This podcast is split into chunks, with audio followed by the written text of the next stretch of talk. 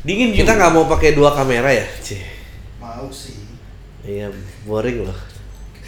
Adit aja pakai podcast mic-nya dua, kameranya tiga langsung Gokil. anjing lah.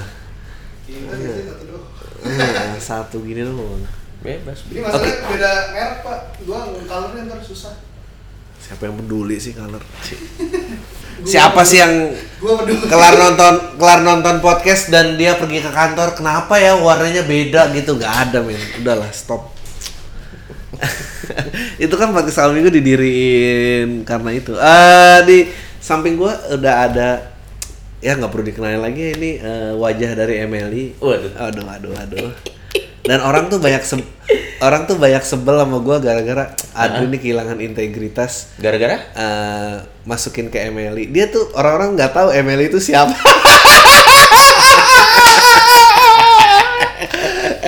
orang pikir dia Aduh. bilang siapa. Ya nggak apa-apa lah. Tapi serunya itu kan gitu kan, karena uh, kecenderungan orang tuh mereka suka ngom- ngomong terlalu cepat tanpa tahu Iya. uh, banyak fakta atau sesuatu di balik itu. Dan dulu gue juga termasuk kayak gitu. Jadi orang yang cuma hidup di kepalanya doang kan? Maksudnya kayak kok nih dia ini terus gua jadi representasi dari kepala dia sendiri yang Iya iya iya. Du- Dulu dulu gue sempat ada di fase itu. sebetulnya manusia emang pada dasarnya gitu soalnya kayak lo ngedeketin pasangan lo eh dan lu selalu berantem lo merasa kayak enggak kenapa pacar gua jadi berubah kayak gini dia nggak berubah men lu baru aja melihat aslinya yang berubah itu karena kepala lu tuh beda benar, gitu Benar, benar, benar, benar, benar. Tapi ke- kalau kayak gitu fase sih, Dri. Eh, Iya. Nanti, nanti. Tapi gua nggak tahu ya, apakah fase atau enggak. Karena buat beberapa orang biasanya dia stuck di level itu selamanya. Iya. Tapi ada orang yang bisa breakthrough level itu menjadi ke next level dan phase gitu. yang sedihnya Heeh. Ternyata nggak banyak. Bahkan banyak orang-orang tua kita Ya. yang stay a children. Iya, iya, stay a paham, children paham, maksudnya ya. kayak men lo kalau lo lihat masalahnya dari luar ini tuh mestinya nggak segawat ini tapi lo karena lo karena menang kumis dan ngelahirin gua aja Benar, tapi benar, perspektif benar, lu tuh benar benar benar benar tapi kira-kira kenapa ya? Gue juga nggak ngerti. Kenapa ya? Ada beberapa orang yang bisa eh, keluar dari dari fase fase itu ke fase selanjutnya ada orang yang sampai bisa. akhir-akhirnya nggak bisa kenapa apa lingkungan Nggak, lu lu kenapa lu kan salah satu orang yang menurut gua bisa keluar dari iya iya iya iya iya kalau eh, referensi temen referensi Refer- Eh, Nggak, nih orang tuh lupa ya. Eh, lu lihat Coki udah masalah kasus babi kurma aja. Orang tuh lupa berapa banyak ajang pencarian bakat yang Coki coba dan gagal. ya, orang seolah-olah ini Iya, eh, eh, jadi gini banyak orang eh, kayak gini. Lu Ah. ceritain ke gua Ah. sebelum MLI Iya. dan se- sebelum MLI dan sesudah MLI. Mm-mm. Waktu itu fame itu buat lo apa? ah iya iya iya kalau kalau se Lu cerita dari awal lu stand up deh kenapa? Jadi awalnya gini sih, basically tuh sebenarnya gua ngerasa bahwa bahkan sebelum stand up itu terkenal di Indonesia ya, eh, sebelum ada Raditya Dika, Ramon Papana dan yang lain-lain, gue tuh nggak gue tuh nggak pernah bisa membayangkan diri gua menjadi karyawan, Dri. Oh, oke. Ya, gue nggak nggak pernah bisa me- membayangkan diri gue menjadi karyawan. Tapi di satu sisi karena gue sadar kemampuan gue juga, gue juga nggak pernah bisa membayangkan diri gue nih masuk ke industri entertain. Hmm. Karena apa yang bisa gue tonjolkan gitu. Sampai akhirnya, pokoknya satu hal yang gue pasti, gue nggak mau jadi karyawan. Tapi bagaimana caranya, itu gue gue masih belum tahu. lucu gue belum tahu gitu. Jadi ya kita ya nanti aja lah gue pikirin itu sewaktu gue kuliah gitu. Ternyata waktu gue lagi kuliah di semester semester pertengahan gitu, booming lah itu stand up comedy Eh, di YouTube itu sih Raditya Dika Hmm. Ah, booming gitu. Terus begitu gue lihat stand up, sebenarnya dari dulu gue udah tahu stand up, Hmm. cuman eh gue masih nggak nggak masih kayak oh ya udah gitu. Belum belum tergerak untuk untuk tahu atau yang lain-lain. Begitu ada stand up di Indonesia, terus gue lihat Radit, terus pada saat itu lucu banget, terus gue lihat ada beberapa stand up komedian lain, terus gue lihat anjir nih ini gue suka nih gue suka ngomong gue suka ngebanyol. Apa ini salah satu platform yang bisa gue gunakan supaya gue nggak jadi karyawan gitu? Gue ada terpikirkan gitu tapi itu belum gue seriusin. Gue masih kayak awalnya gue masih pikir kayak ah gue mau coba ke sini aja ah gitu. Kenapa lo nggak mau jadi karyawan? nggak tahu gue nggak kebayang aja gue jadi karyawan Dri. Kayak eh, rutinitas kayak bangun pagi gini gue nggak nggak kebayang kayak gitu gue nggak tahu kenapa emang gue kayak bukan tipe orang yang kayak gitu terus akhirnya gue cari tahu tempat open mic terdekat waktu itu ada di komedi cafe Kemang Hmm. gue pertama kali datang ke sana gue Lu bulan apa ya? aduh lupa Lu tahun berapa sih? Gua tahun 2000 pokoknya pada saat itu udah suci satu Iya lu sama gua nggak beda jauh soalnya, gue yakin. Karena Suci satu itu anak-anak mulai open mic tuh gue inget banget Juni 2011. Gua open mic tuh September 2011. Nah, gua 2012, 2012 Iya, beda. pertengahan Iya, gitu. Gua datang ke sana sama Bintang waktu itu gue inget. Bintang BT. Bintang BT. Kita datang ke sana terus ke comedy cafe, semuanya mahal-mahal gitu kan. Terus gue bilang. Dulu, dulu. dulu kan. Gue bilang, Ternyata makanan tapi memang sampah." mahal, Bro. Iya emang, masalah emang sih. mahal, Bro. Over the top emang, Emang, price emang anjing ya. overpriced sih kalau menurut gue itu. di comedy cafe tuh kalau mungkin lo, lo adalah orang-orang yang pernah ke comedy cafe yang menurut gue overpriced sih gue dateng kan gue bilang anjing ini mau lucu Yang kalau aja." lu melek, yang kalau lu meleng ada anak kecoa lewat gitu. ada lilin-lilin tai memang. pokoknya gue dateng terus gue bilang anjing mau mau lucu aja mahal gue bilang kan belum lagi ada ada apa namanya ada biaya biaya parkir dan yang lain-lain di Kemang yang waktu itu macetnya parah banget Iya, waktu iya, itu iya. Kemang tuh lagi Iya. tinggi-tingginya kan terus gue Ka- Karena DVD bajakan ya.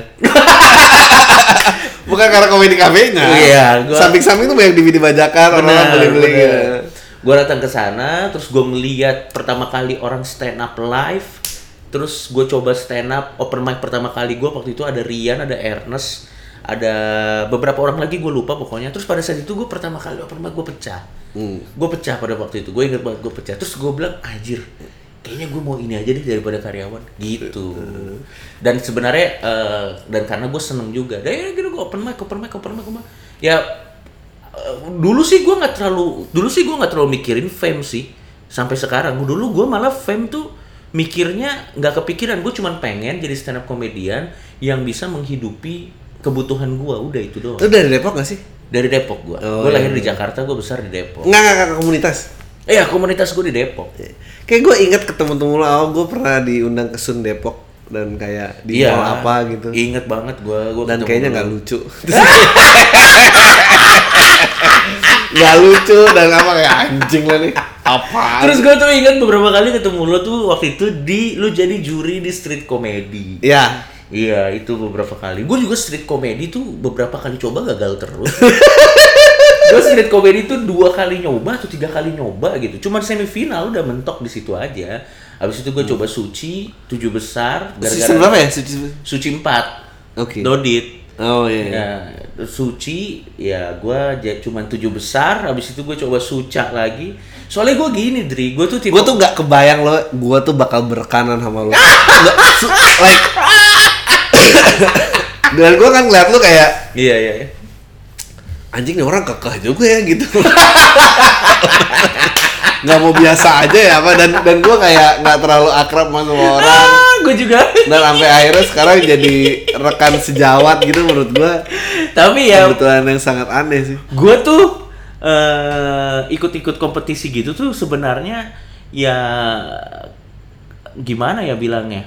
Karena gue saat ini menurut gue doang ya. Ini menurut gue doang pada saat itu gue merasa gue selalu keluar di kompetisi karena gue nggak memberikan yang terbaik atau karena kepleset terus gitu. Sehingga gue ada rasa penasaran. Sebenarnya itu lebih untuk memuaskan rasa penasaran gue aja. Gitu aja sebenarnya. Sampai akhirnya street comedy tiga, tiga dua kali atau tiga kali Hmm, nggak nggak Suci. menang. Suci juga nggak menang. Suca. Suca juga nggak menang. Sampai akhirnya gue rasa masa gue sial terus apa emang gue mentok segini? Eh. tapi ya udah gue cuman gue cuman suka gue cuman suka melakukan itu aja gitu. Apa yang terjadi antara begitu Suca kalah sampai lu jadi openernya Panji? Itu menurut gue lu udah jadi orang yang berbeda. Gue inget banget gue ketemu lu lagi lu lagi eh, di kokas. Iya. Terus lu lagi stand up stand up. Stand up dan lu kepilih menang. Lu dan lu kayak eh, gue gue inget banget karena dulu eh, banyak eh, bu- bukan kayak dikotomi bukan dikotomi sih kayak apa ah yang senior udah males nyoba lah kasih aja lah yang yang Oh. baru-baru biar naik. Iya, iya, And then iya. terus ada satu orang anjing ini kan orang umuran stand up-nya udah bareng gua dia ngapain sih masih? Tapi nggak tahu ya, maksud gua tuh dari semua pengalaman gua gini, memang gua kalah sih di semua kompetisi itu gitu. Tapi eh, sisi positifnya adalah itu ngasih gua pengalaman dan jam terbang sih maksud gua. Pengalaman dan jam terbang dan bagaimana caranya melihat komedi dan bagaimana caranya berdamai dengan diri sendiri. Tapi ada yang berubah kan memang. apa jadi ada yang berubah? Jadi gua nggak tahu ya. apa karena apa karena- Nada-nada itu anjing lah. Nah itu kalau menurut gue ya kalau gue cepat menyerah dan menjadi diri gue pada saat gue udah gagal beberapa kali itu akhirnya ya gue nggak akan sampai ke gue yang sekarang itu mungkin karena gue coba kalah coba kalah coba kalah terus akhirnya gue bereksperimen sama banyak hal gue nyoba beberapa apa apa apa dan sampai akhirnya gue nemu gue juga nggak bisa ngejelasin sih tapi maksudnya gue coba yang ini nggak works nggak usah dipakai lagi gue coba yang ini nggak works nggak usah dipakai lagi gitu sampai akhirnya ya gitu Lu- aja. Lu merajai semuanya sekarang ya. Nggak juga. Cie, lah tai. Enggak gua. Sekarang apa sih yang gak coki muslim tai lah. Eh, lu rasanya ya cok ya. Eh, Lu tuh orang yang punya concern besar apa sebetulnya orangnya simple sih? Nah, kalau concern besar sih Maksudnya apakah lu orang yang kalau berdiri dan berbicara tuh ingin memberikan kesan mendalam dan melakukan sebuah perubahan Nah, gini, gua gua gini, gua tuh suka ngomong emang. Suka ngomong. Suka banget sama yang namanya ngomong. Bahkan kalau bisa semua semua hal di dunia ini kalau bisa diselesaikan dengan ngomong aja gue pengennya gitu gitu. dan gue sadar dan gue sadar bahwa eh, mungkin salah satu ke apa ya istilahnya kelebihan gue dibanding orang rata-rata adalah kemampuan ngomong gue aja gitu makanya gue gue suka gue gue suka aja gue suka suka banget gue ngomong gitu Nah sekarang lo rasanya dan jadi gue nilainya lo tuh adalah orang yang simple dan gak gitu berpikir panjang. nggak terlalu Nah sekarang lo rasanya apa menjadi wajah toleransi Indonesia?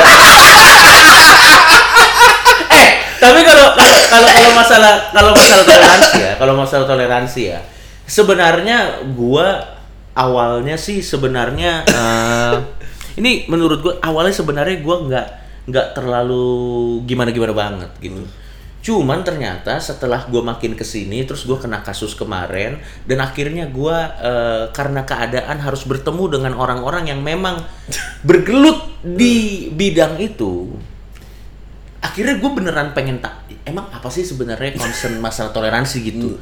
Dan ternyata setelah gue dengerin mereka ngomong dan mereka berbicara ternyata emang gawat bro. Gitu. Dan gue emang agak nyesel akhirnya jadi tahu ngerti gak lo maksud gue Iya, karena sekarang gue udah nggak karena gini dulu kan ignorance is bliss gue nggak ngerti nih tapi sekarang begitu gue udah tahu terus gue punya platform sampai taraf tertentu gue jadi merasa bersalah kalau gue nggak melakukan Melakukan sesuatu ke sesuatu. situ Wow, wow, padahal biasa. sebenarnya kalau bisa sih kita Gua mau santai-santai aja Iya, gitu benar, tapi benar. karena gue udah tahu nggak begitu jadi ya ya gitu ya jadi mau nggak mau ya dilakuin aja Lo kalau misalnya tiba-tiba suatu hari didatengin Cak Nun, Heeh. tolong tonggak toleransi nih kamu yang bawa sekarang. mending cak nun aja dulu deh maksudnya gue care sama toleransi gitu. tapi maksudnya masih ada orang yang lebih layak gitu gue bener. masih 10 tahun lagi lah masih lama lah gue untuk kamu tapi tapi emang itu yang ironis dengan fame ya kadang eh, dia bisa mempengaruhi orang yang lebih luas daripada orang yang beneran-beneran peduli gitu kan kayak iya iya lu iya, butuh iya. wajah gitu Mm-mm. butuh wajah ya udah lu Iya. lu yang ngejalanin tapi tapi tapi memang gue tapi memang gue concern sama hal toleransi gitu cuman eh, concernnya lebih ke arah eh, gimana ya jelasinnya ya. Sekarang gue jadi lebih concern karena gue udah lebih tahu sesuatu yang dulu gue nggak tahu gitu loh. Nah ini tuh ini tuh sebenarnya balik lagi ke tadi pembicaraan kita ke awal bahwa kenapa nggak ada toleransi itu karena eh, banyak orang-orang yang akhirnya nggak bisa melangkah keluar dari perspektifnya. Dia yang tadi yang lu bilang eh, banyak banget yang orang-orang tuh stay children aja lu cuma tambah tua doang. Lu nggak nggak tambah mature gitu lu nggak tambah mendewasa Mhm. lu sekarang di di keluarga lo Mhm. eh kayaknya nyokap bokap lu cukup liberal ya, ya lumayan lumayan. Nyokap bokap lu cukup Lumayan, liberal tapi di antara saudara-saudara lu siapa yang paling Waduh kita tuh kita kayaknya semuanya liberal dah. liberal Liberal maksudnya kayak ya jadi li- keliberalan tuh udah biasa udah Nah, biasa. Pokoknya kita menganut sistem begini. Sistem prinsip keluarga kita adalah begini. Apa yang lo tanam itu yang lo tuai. Itu aja udah. Nah, Iya, jadi ya udah. Jadi eh, lo mau pilih apa pun. eh, di- jadi gini, keluarga gue tuh sudah menanamkan sama anak-anaknya dari kecil bahwa nasihat orang tua, omongan orang terdekat, omongan guru atau apa pun itu hanya akan memiliki efek ke kita kalau kita yang mengizinkan itu memiliki efek ke kita gitu. Iya. Jadi dari Kalau lu dulu- blok ya lo. Iya kalau di blok enggak. Jadi dari dulu tuh yang diajarin sama keluarga gua adalah yang pegang kendali sama diri kita ya diri kita gitu. Makanya akhirnya kita sangat memvalue eh, keputusan apa kemampuan orang untuk mengambil keputusan segala sesuatu tentang hidupnya dan jarang ada yang misalnya gini, misalnya gua ambil keputusan A, mungkin orang tua nggak setuju, tapi at the end of the day mereka akan tetap balikin ke gua karena memang itulah yang diajarin bahwa nanti satu saat nanti setiap orang akan menanggung tanda kutip dosa-dosanya sendiri gitu. Iya. Ya jadi kita sistem di keluarga gue tuh kayak gitu. Kayak misalnya contoh, ada gue ngambil keputusan A, bokap nyokap gue nggak setuju, tapi ya dia nggak menghalangi atau dia tidak meng, tidak meng- me- melakukan segala cara untuk merubah pikiran adik gue cuman ya cuman kayak ya udah papa mama sih nggak setuju tapi ya itu terserah kamu gitu. Jadi kita memang di keluarga kita tuh kayak gitu makanya ya ya nggak tahu deh apakah itu it's a good thing or a bad thing gitu. Kalau buat gue sih ya kayak gitu aja karena banyak juga kok keputusan yang gue lakukan yang bokap nyokap gue nggak setuju gitu ini nggak setuju gitu. Tapi bokap nyokap gue ya udah cuman kayak ya kalau papa mama sih nggak suka ya tapi kan itu balik lagi ke kamu gitu ya. Jadi cuman gitu jadi kita nggak pernah debat besar nggak pernah gitu. Ya, itu menarik tuh karena kalau orang tua gua kayak ya kamu menuai apa yang kamu tanam. Mm, mm, mm, mm. tapi nggak boleh ini tapi nggak boleh ini lu mah namanya gue cuma boleh nuai apa yang lu izinin anjing banget ya gue coba gue cukup hoki sih. Gue cukup hoki sih lingkungan keluarga gue sih kayak gitu sih. Lu lu yang dulu dengan lu awal open mic beda gak sih? Eh beda. Kalau gue sekarang apa? Lebih nganora cil. Enggak kalau gue kalau gue dulu kalau gue dulu tuh kalau di depan panggung pengen banget dibilang lucu. Kalau sekarang gue depan panggung ya ngomong apa yang pengen gue omongin aja gitu. Dan gue akan mencari kelucuan dari dari keadaan itu gitu sih Iya, sekarang. iya, udah nggak terlalu karena gue udah sadar satu hal yang menjadi yang paling lucu tuh hampir nggak mungkin. Nggak mungkin. Ya nggak mungkin bro. Karena bukan keputusan lo untuk menentukan apa yang lucu apa bukan ternyata. Betul, gue udah mera- gua udah berdamai dengan itu bahwa menjadi yang paling lucu tuh nggak mungkin, tapi gue jadi pengen yang paling diinget aja udah gitu aja. Kalau iya kalau gue misalnya naik ke atas panggung gitu, nggak harus yang paling pecah pada malam itu, tapi Iya. yang penting yang paling diinget aja. Iya. Entah apa kayak. lo malas masih jadi orang yang turun panggung kayak eh gue bagus gak tadi bro gue ini, gue ini ini anjing lah udah lah nikmatin aja di have a good time udah udah gitu loh Iya Oh, gitu Karena eh, siapa yang pernah bilang ya, lu atau Radit ya, gue lupa. Pokoknya ini jadi gue pakai. Sebenarnya stand up itu tuh kayak lu pengen, lu punya point of view, terus lu ngasih tau point of view lo, tapi secara lucu udah gitu aja. lo nggak tahu bukan, bukan gue kayaknya Bukan dulu. Kayak gua- yang gue ingat sih gitu. Kayak kayak lo lo lo punya lo punya pendapat atau lo punya sebuah eh, argumen, terus lo pengen ngasih tahu ke orang, tapi lo ngasih taunya ya secara lucu, entah apa pun tekniknya. Kalau gue sih sekarang kalau stand up gitu. Makanya kadang kalau lagi nggak ada yang pengen gue bicarain, gue jadi susah nih untuk untuk untuk ngelucu di depan karena lagi nggak ada yang resah atau apa gitu. tapi lo emang orangnya kayaknya easy going easy going ya. Maksudnya kalau gue tuh orangnya banyak kayak sebelnya gitu. Maksudnya gua- Iya, iya, gua iya, tuh iya, iya. angry to the world dan kayaknya masih gitu Nah, gue juga jadi bahaya nih karena karena saking terlalu gue nih orangnya pemaaf dalam arti mau apa pun lu, gue tuh nggak akan, gue tuh susah terganggu, gue sangat susah terganggu, gue sangat menerima apa gitu. Makanya kadang kebencian untuk melucunya tuh hilang jadi hilang gitu kadang-kadang. Harus harus ke ke satu topik spesial tertentu baru gue bener-bener bisa menggebu-gebu untuk ada rasa kebencian untuk melucunya gitu. Karena gue rasa karena gue pada pada eh, kebanyakan kasus sih santai-santai aja gue nggak pernah gue nggak prejudis gue nggak apa. Selama lo asik gue asik gitu gue nggak jadi kadang susah juga mau ngelucu dengan point of view kayak gitu. Kalau lo kan kebalikannya kan? Kalau lo kan eh emang emang kayaknya sebel sama semua hal. Aduh, aduh, tapi Makin lo tapi- kenal dia lo akan sadar dia kayak marah sama semua hal. Jadi dulu tuh ceritanya, Heeh. gue pernah eh, pacaran dan sampai akhirnya eh, di, di- dia itu nggak tahan karena apa-apa tuh dikomplainin. Jadi kayak gue menjadi orang yang sangat tidak menyenangkan. dan gue dulu kekeh. Kalau dibilang kamu nih orangnya tukang komplain, enggak, aku gak komplain gitu, komplain lagi gitu terus. Sampai akhirnya iya. ketemu stand up dan gue anjing kayaknya gue tahu ya cara membuat komplainnya jadi lucu. Jadi paling nggak nggak segitu annoyingnya lah. Iya iya. Tapi deep down inside kayaknya gue masih orang yang sama. Hmm. gue suka nge-point out kenapa sih ini harus kayak gini gitu? Iya, kenapa harus? iya, iya. tapi itu berubah eh berdasarkan fase hidup gue sih. Jadi gue sadar eh absolute truth tuh nggak ada. Iya. truth itu berubah-ubah terus tergantung Hmm. fase dan tanggung jawab hidup lu tuh lagi apa gitu. Hmm. Eh, dan gue selalu ngatain diri gue di empat tahun belakang kayak ngapain sih lu dulu? gitu gitu siklus gue selalu malu-malu aja gitu ini udah berapa menit yang ngomong 20. gue tuh kalau gue tuh juga kalau ngelihat kalau ngelihat stand up gue yang lama juga malu banget Aduh, cringe anjing. banget pasti. cringe banget fuck ngapain lah ngomong apa sih gitu fuck fuck gue ngebahas ngebahas hal yang nggak penting gue ngebahas lilin apa coba fuck Gak yang lilin aja coba dong gimana jadi jadi itu gue ngebahas lilin tuh kayak eh, ini kan eh, dulu kan eh, awalnya tuh gara-gara eh, banyak paranormal bikin iklan di TV. Eh, Yo, kamu nggak cocok kerja di air. Lo yang ngasih dulu kita punya fase di mana paranormal tuh ngiklan di TV. Iya.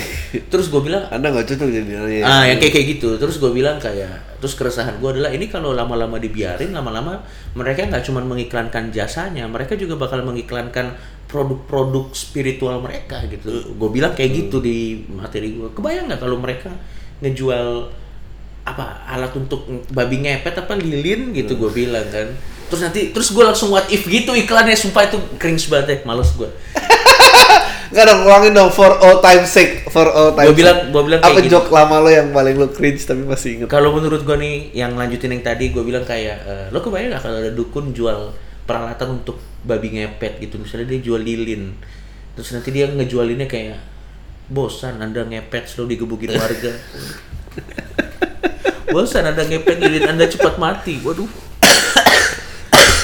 pakai ini lipet lipet lilin ngepet Anjing, anjing, Waduh, anjing. Tapi itu pecah ya? Pecah, Pecah, waktu itu pecah. pecah. Sebenarnya beberapa kali gue bawa ini cuman pecah. Cuman kayak kalau gue bawa itu ya kenapa fuck kenapa gue harus bawa mengenai lilin ngepet? Kenapa gitu? Eh, lu ceritain dong tentang job terabsurd lo yang seru nemenin orang-orang ulang tahun tuh. Iya, jadi beberapa waktu yang lalu ada orang. Jadi Kita boleh kan ngomong ini? Boleh. kan? boleh. Jadi ada orang. Terus intinya keponakannya ulang tahun lah.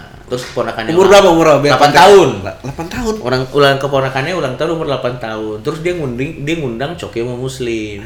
Terus si Sari ngomong, "Cok, ini ada joke ulang tahun." Eh nggak masalah. Berapa kali kan gue pernah. Tapi ini yang ulang tahun anak 8 tahun. Hah? Bagaimana saya melawak di depan anak 8 tahun kan? Terus Sari bilang, "Enggak, Cok, ini yang ulang tahun keponakannya." Sorry, ini yang ulang yang ngundang lu adalah keponakan yang ulang tahun. Ah. Jadi dia seneng ada elu, makanya dia ngundang elu.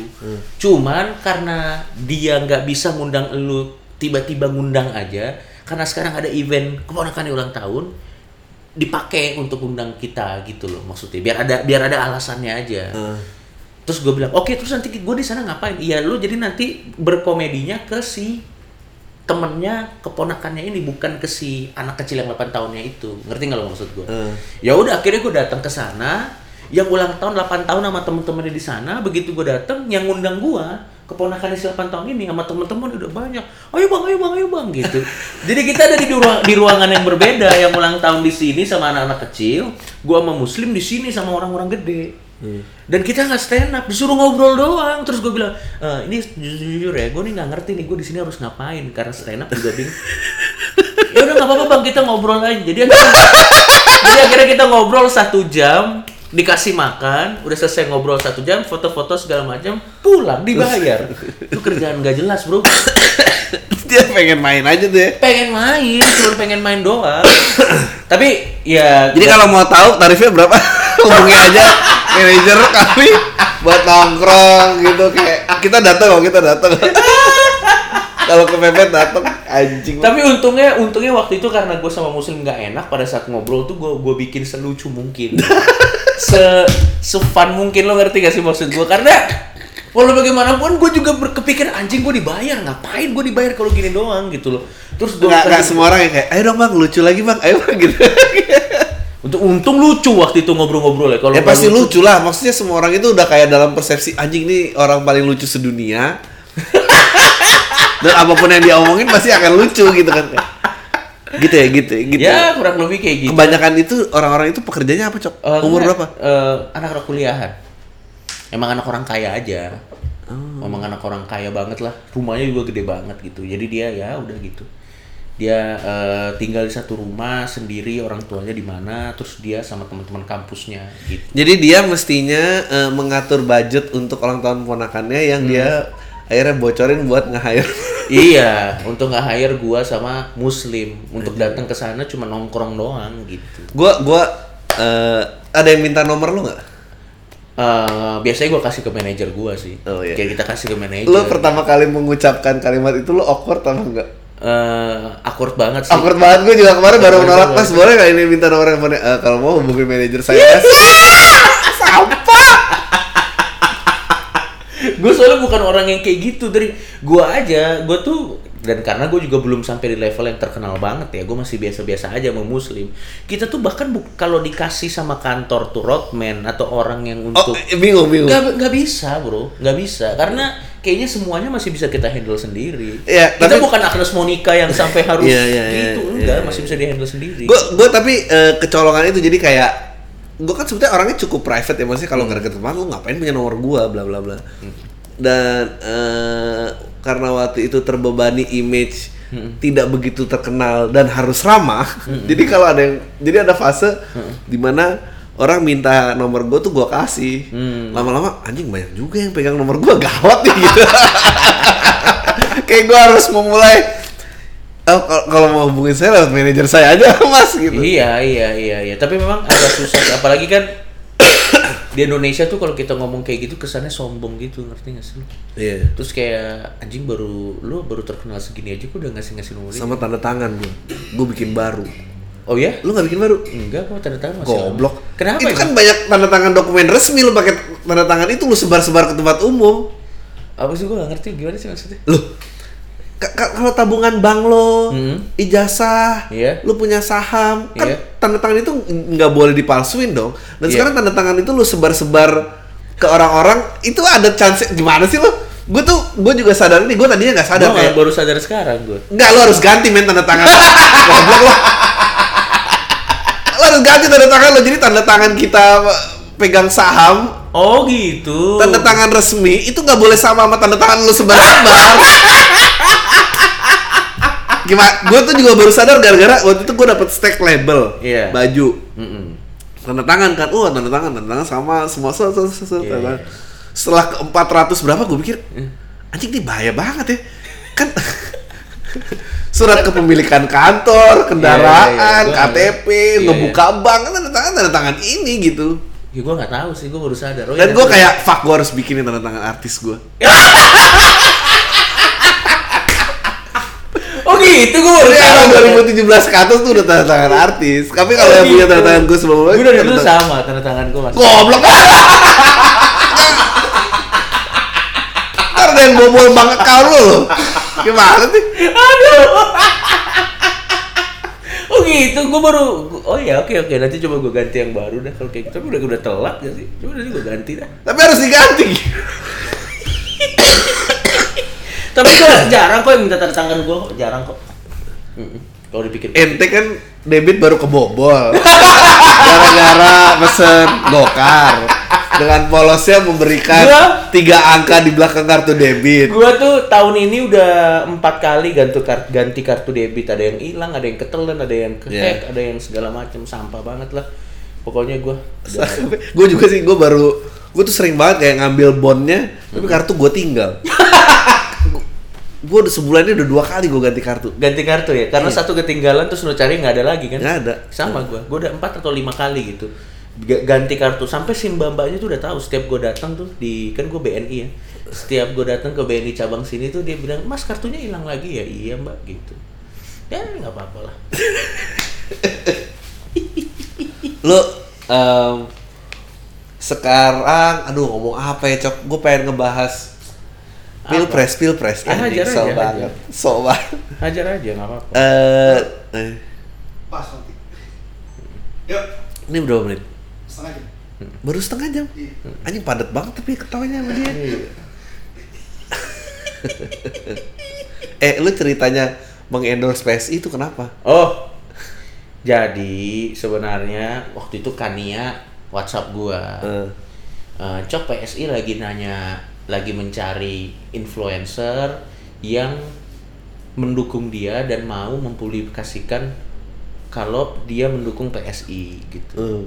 Lu pertama lu dukung PSI nggak? Dan lu mau nggak kalau dukungan lu ke PSI itu dipublikasikan gitu. Gue dan Muslim, terus gue dukung PSI awalnya gue nggak mau dukungan gue tuh dipublikasikan. Karena an- karena untuk dua alasan. Yang pertama reputasi gue sama muslim ini hancur banget ya. Gue gue gue takutnya ini malah jadi bumerang buat mereka daripada positifnya gitu. Masa orang kayak coki muslim dukung PSI itu yang pertama. Terus yang kedua gue takutnya nih eh, PSI paling enggak di mata gue kan sampai sekarang kan masih bagus-bagus saja. Nanti kalau ternyata dia kena sesuatu yang wadah, gue pasti jadi ceng-cengin nih. Karena gue pernah melakukan dukungan itu kan. Karena dua hal itu gue nggak mau. Tapi waktu gue kasih tau ke Kania, dia bilang enggak kalau PSI sih malah nggak apa-apa, malah seneng kalau lo mau dukung katanya karena concern kita sama tol intoleransi bla bla ya udah. Terus kalau masalah yang kedua ya Gue terlalu jauh sih, terlalu jauh, betul. terlalu jauh gue mikir ya udah akhirnya gue mau, akhirnya gue ingin PSI aja gitu. Karena- Tapi gue gue eh, despite ledek-ledekannya orang eh, eh, apa dan segala macam gitu, gue gue seneng banget. Maksudnya, eh men lu butuh regenerasi kali lu bosen Mm-mm. meskipun eh, belum mencapai tingkat ke- keidealan yang kita harapin gitu. Tapi Mhm. Iya memang memang banyak yang bilang juga kok. Tapi kan PSI gini, tapi kan PSI gini, tapi kan ya nggak sempurna, emang Iya, nggak iya. sempurna. Tapi ya it's a start, gue bilang kayak gitu. iyalah. Dan gue masih dan gue willing untuk gambling sama orang yang ini daripada yang lain-lain karena ini baru fresh, gue bilang kayak gitu Iya, aja gitu. Dan ya udah. Dan karena juga kebetulan eh enemy kan ada ada bahasa Inggris eh, Enemy of your enemy. enemy is your enemy. Enemy of your enemy Of your enemy is your friend kan. Kebetulan memang PSI ini adalah enemy-nya enemy saya.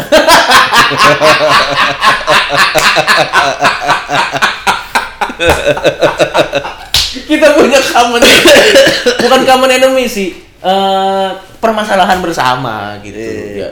Dan akhirnya gue sadar ya Dri ya dengan dengan jokes-jokes yang sangat berbahaya kayak gue dan Muslim, nggak cuman lucu doang sih. Kita perlu memang harus kita akui kita perlu kenal banyak orang untuk membackup. Iyalah, iyalah. Dan itu akhirnya gue sadar gitu. Gue ngobrol sama Pak Deindro, Hmm, hmm. Dia bilang hal yang sama. Dia bilang Hmm, kita melucu seperti itu di era Orde Baru dan kalian nggak tahu sebetulnya siapa aja yang memegang kita. Dan kita berhasil menundukkan semua orang-orang di belakang itu untuk mendukung kita. Maksudnya eh, kita nggak mau bikin marah orang yang melindungi kita. Dan dia bilang sangat disayangkan yang saya ngomongin sekarang "Ini apa semua diserang kalian nih kayak bunuh-bunuhan aja. Eh, dan waktu itu dia cerita beliau cerita kayak eh, jadi sebelum ada coki muslim jadi eh muka free speech dan toleransi itu dipegang oleh Dono Kasino Indro. Jadi waktu itu semua pihak sepakat bahwa lu boleh menekan pihak-pihak lain tapi lu nggak boleh tekan Warkop DKI karena kalau lu tekan dia berarti lambang di media bahwa kita orang yang toleran itu gone dan kita berhasil buat semua pihak itu setuju di situ. Hmm. Itu menurut gua Gila banget itu sih. gila Dan di banget zaman sih, Orde di- Baru di zaman itu men Gila banget sih itu. yang maksudnya lu sekarang tetek sapi aja disensor gitu maksudnya Iya, iya, dia iya, lu iya, berbikini bikini di pantai dan Iya iya iya iya. iya. Dan memang gue sekarang sadar itu sih bahwa memang kita nggak bisa cuman lucu aja. Maksudnya ya kalau lucu aja tapi nggak nggak nggak ada tanda kutip yang yang yang mem- apa istilah bahasa bagusnya ya yang mem- membantu atau melindungi kita di balik itu ya susah juga gitu karena memang ya nggak bisa Ya orangnya kayak mundur banget. Kayak gue inget banget salah satu film Dono favorit gue. Gue lupa judulnya apa, tapi gue inget plot ceritanya. Eh, yaitu mereka masih berempat, mereka anak-anak kos. Kalau nggak salah Elvis Sukaisi juga main. Dia datang ke tempat ibu kos yang pembantunya tuh hot banget. Terus si ibu kos ini punya pacar namanya Om Sugeng. Terus one day pembantunya tuh hamil dan yang dituduh tuh mereka. Terus mereka mana saya berani bu gitu ternyata yang ngambilin pacarnya. Tai banget. Dan lu bayangin ya tahun segitu kayak ada pembantu gitu kos-kosan iya sih tiba-tiba muntah-muntah terus Iya, kayak iya, iya, ibu iya, kosnya iya. kamu kenapa masuk anginnya angin surga ya gitu lu gak mungkin lagi bikin itu kayak sekarang gitu. Men lu cerita tahun berapa ada? Iya iya. Ngambilin pembantu gitu dulu. benar. Dan dan dan dan dan dan memang akhirnya yang gue sadarnya sama muslim ya ternyata eh eh, memang kita pertama nggak bisa cuma lucu doang harus harus harus harus merangkul beberapa orang supaya keamanan kita lebih terjamin itu yang pertama. Terus yang kedua kita memang harus lebih harus kalau dulu tuh gue sama muslim tuh ibaratnya kayak bawa machine gun terus maju aja semua ditembak-tembakin gitu. Kalau sekarang tuh eh, tetap kayak gitu tapi lebih strategis. Kalau udah tembak segini dua kali tahan dulu tunggu beberapa waktu tembak lagi. Jadi nggak nggak bener-bener liar. Sporadis. nggak bener-bener sporadis. Karena nanti kalau kita bener-bener sporadis kenceng di situ tapi langsung hilang di situ juga untuk apa gitu. Karena kita tuh pengennya for the long run aja. Dan lu kalau haters lu tuh selalu dari sisi sana ya? Selalu kebanyak, dari sisi eh, kebanyakan nih. Jadi awalnya kan memang yang orang-orang fanatik fanatik itu. terus makin ke sini ada SJW beberapa eh, dan juga ada ada mulai pencinta-pencinta aktivis-aktivis sebagian kecil. Ada pencinta-pencinta aktivis eh, hewan juga ada beberapa. Terus ada juga eh, ya gitulah udah mulai jadi nggak cuman yang kalau yang apa itu kiri banget ya juga Iya. eh, kiri Nggak cuma bukan konservatif maksudnya bukan cuman konservatif udah mulai Udah ada beberapa yang agak-agak SJW gitu karena fame whoring gitu, fame whoring. Maksudnya kayak dia uh, uh, uh, ya social climber aja gitu. Dia Hmm. dia nyerang lo karena dia pengen dapat leverage-nya lo gitu. iya udah gitu aja dan lama-lama ya ya udah gua asik-asikin aja gitu gua asik-asikin aja. Sampai udah kebal gua sampai udah kebal sama sekali gua kalau di ngomongin orang. Gua gua tuh kayak pas kalian mulai eh, nggak kira-kira gitu bercanda gua kayak bangsat orang-orang berani banget gitu. Dan eh gue tuh waktu lu comeback gitu kita bikin acara di GI gue beneran eh apa sungguhan gitu ngomong kayak anjing nih ini dua orang ini akhirnya jadi kayak eh, kakak gua. Karena in a sense dia mereka yang bawa tingkat ekstrim tuh jauh. Iya iya iya lebih di depan gitu. Dan dan gue pun ngerasa loh kalau kayak gue stand up bareng kalian Heeh. anjing nih yang nanti coki muslim nih jauh lebih banyak. Fuck gue bukan siapa-siapa gitu. Eh tapi lo tau nggak Eh, yang yang yang tapi menurut gue ya pada saat lo udah punya label bless orang yang melakukan blasphemy Heeh. ya dan lo mengeluarkan jokes yang ekstrim Heeh. itu secara tidak langsung orang jadi memaafkan lo jadi Iya, iya, betul, betul, betul, jadi, betul. jadi lebih gampang lucu lo Iya. daripada orang yang nggak punya punya. nggak punya. label itu bawa itu terus Kaget, kayak apa sih lo fuck kaget. gitu tapi kalau lo misalnya udah dicap sebagai blasphemy ya orang yang melakukan blasphemy terus lu ngeluarin jokes itu jadi semacam ada kayak lu udah udah dibaptis dalam api Uh-huh. untuk tanda kutip legal bisa membawa jokes itu. Iya iya iya iya. tapi kan gak semua orang mau membayar dengan pengalaman deg-degan kayak kemarin. Cuma Nggak, supaya bisa orang tua lo reaksinya apa sih pas itu? Cuman dia nelfon bilang hati-hati. Gitu aja udah. Mereka nggak apa-apa? Enggak ya mereka khawatir cuman mereka nggak mereka terancam nggak?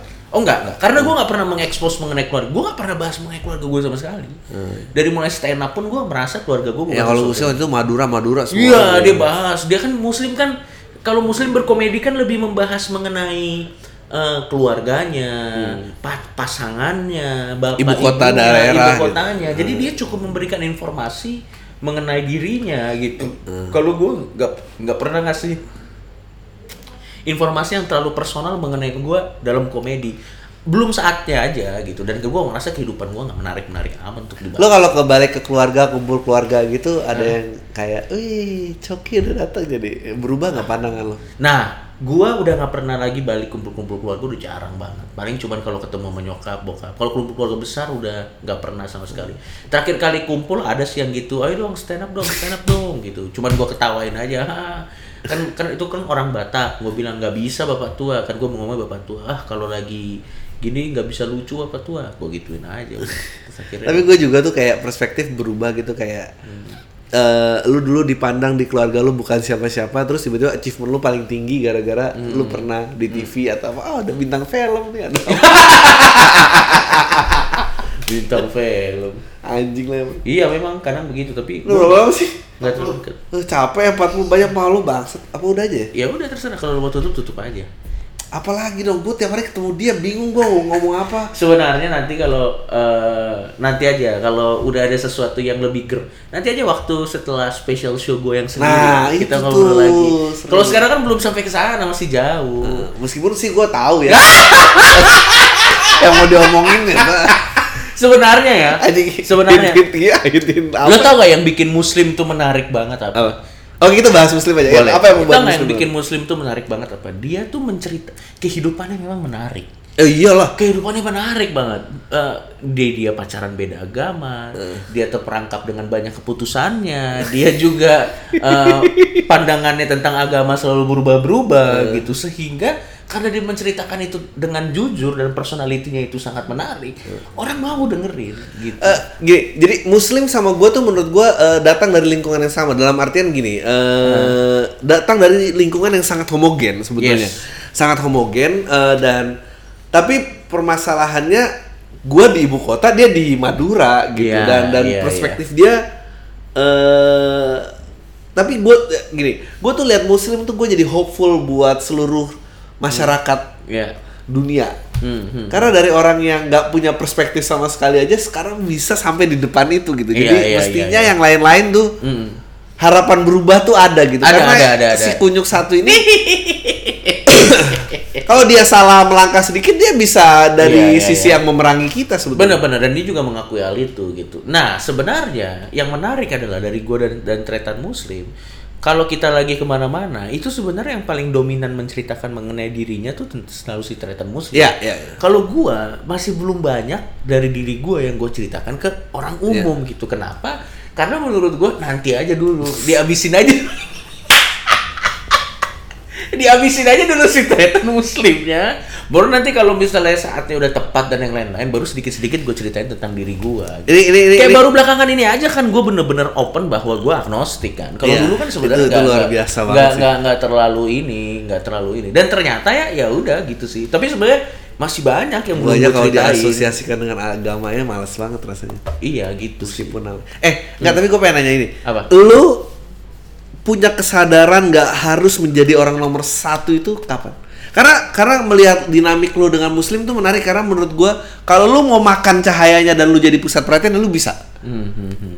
Tapi lu memutuskan untuk Ah, oke gua meng-highlight dia aja gua ini. iya iya iya Gua sekali nyemes tapi gua banyak banget gua ngasih bola lo.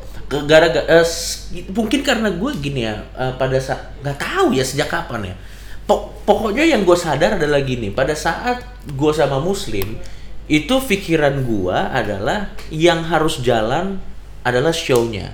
Dan supaya show-nya itu harus jalan ya kita nggak e- egonya nggak udah. Dan gue tuh nggak pernah punya ego gue tuh nggak pernah punya ego kayak eh, wah lebih lucu muslim si Coki nggak terlalu lucu.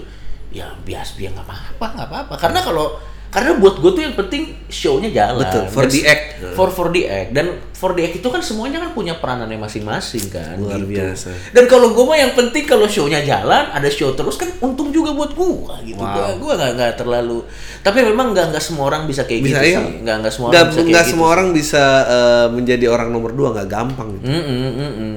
Dan menurut gue gini, kalau kalau buat gue, kalau yang bagian lucu-lucu gak apa-apa gue kasih ke dia aja. Toh toh, toh ada juga ada juga beberapa beberapa beberapa saat di mana pada saat harus serius si muslim ngasihnya ke gue gitu. Tapi tapi nggak belum ada ya perpecahan fans di mana kayak enggak aku lebih suka coki daripada muslim. Enggak, muslim. Nggak, nggak ada yang enggak, benar-benar enggak. duo banget gitu. Iya, dan karena dan karena kita tuh nggak pernah nggak per- dan memang gue sama dia tuh gimana ya? Emang cenderung gue yang ngalah terus ya sama dia sih. Dan gue tuh kemarin gara-gara habis syuting, jadi gue Iya. syuting dan eh, gue ketemu Edwin super bejo dan gue jadi kayak anjing ini before semua orang tuh duo tuh ini sebelum Desta Iya, iya, benar, benar, benar, benar, sebelum benar. Coki Muslim itu lama banget, bro. sebelum Danang Darto lama banget, bro. ini gitu orangnya dan dan ketemu orangnya humble maksudnya gue suka lah orangnya udah ngelewatin banyak hal dan Hmm. kayak duh mungkin kayak dia kalau dia mau ke sini gue mau banget sih Iya, iya gitu. Gua dan gua rasa sih yang penting pokoknya kalau gue sama muslim itu for the act gitu. Dan gue sering berantem kok sama dia, tapi berantemnya tuh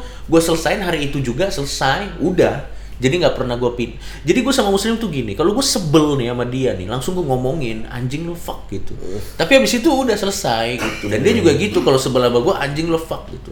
Anak di kantor, anak-anak kantor juga sering kok lihat kita berantem sampai sampai anjing-anjingan gitu. Tapi habis itu udah selesai gitu dan gue juga dan gue juga kayaknya tipe orang yang nih ya gini nih gue kasih tau. Itu ya kalau abis show ya yang selalu pengen foto sampai semuanya selesai itu muslim loh. Kita lu pengen tidur. Gue gak pengen tidur sebenarnya.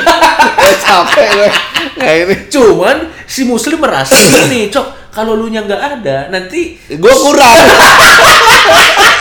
Kan tapi maksud gue kan anjing. Gue jadi bangsa yuk yuk yuk yuk gitu. Terus gue jadi sampai selesai gitu di sana kadang juga si si kampret kadang juga suka jual nama gua kan. Misalnya udah selesai show. Terus dia pengen ngobrol sama orang. Oh iya iya ada cokinya ada cokinya. Padahal dia cuma pengen ngobrol sama individu ini tapi kalau dia sendiri nih kurang Dia menarik. iya, kurang menarik. jadi dia panggil cok sini lu cok. Gitu terus gue ah, apaan? Datang terus dia ngobrol di lama banget. Terus gue bilang anjing gua ngapain di sini nasib nasib wingman ya nasi nasi wingman gitu tapi nggak apa-apa seru-seru juga kok gitu dan gua nggak pernah punya masalah punya masalah dan yang lain-lain gitu Hmm. ah udah tak ya Ya udah, gitu cukup aja. ya itu aja tai lu semua deh Terima kasih teman-teman. Terima kasih. Gue balik aja. langsung balik aja dari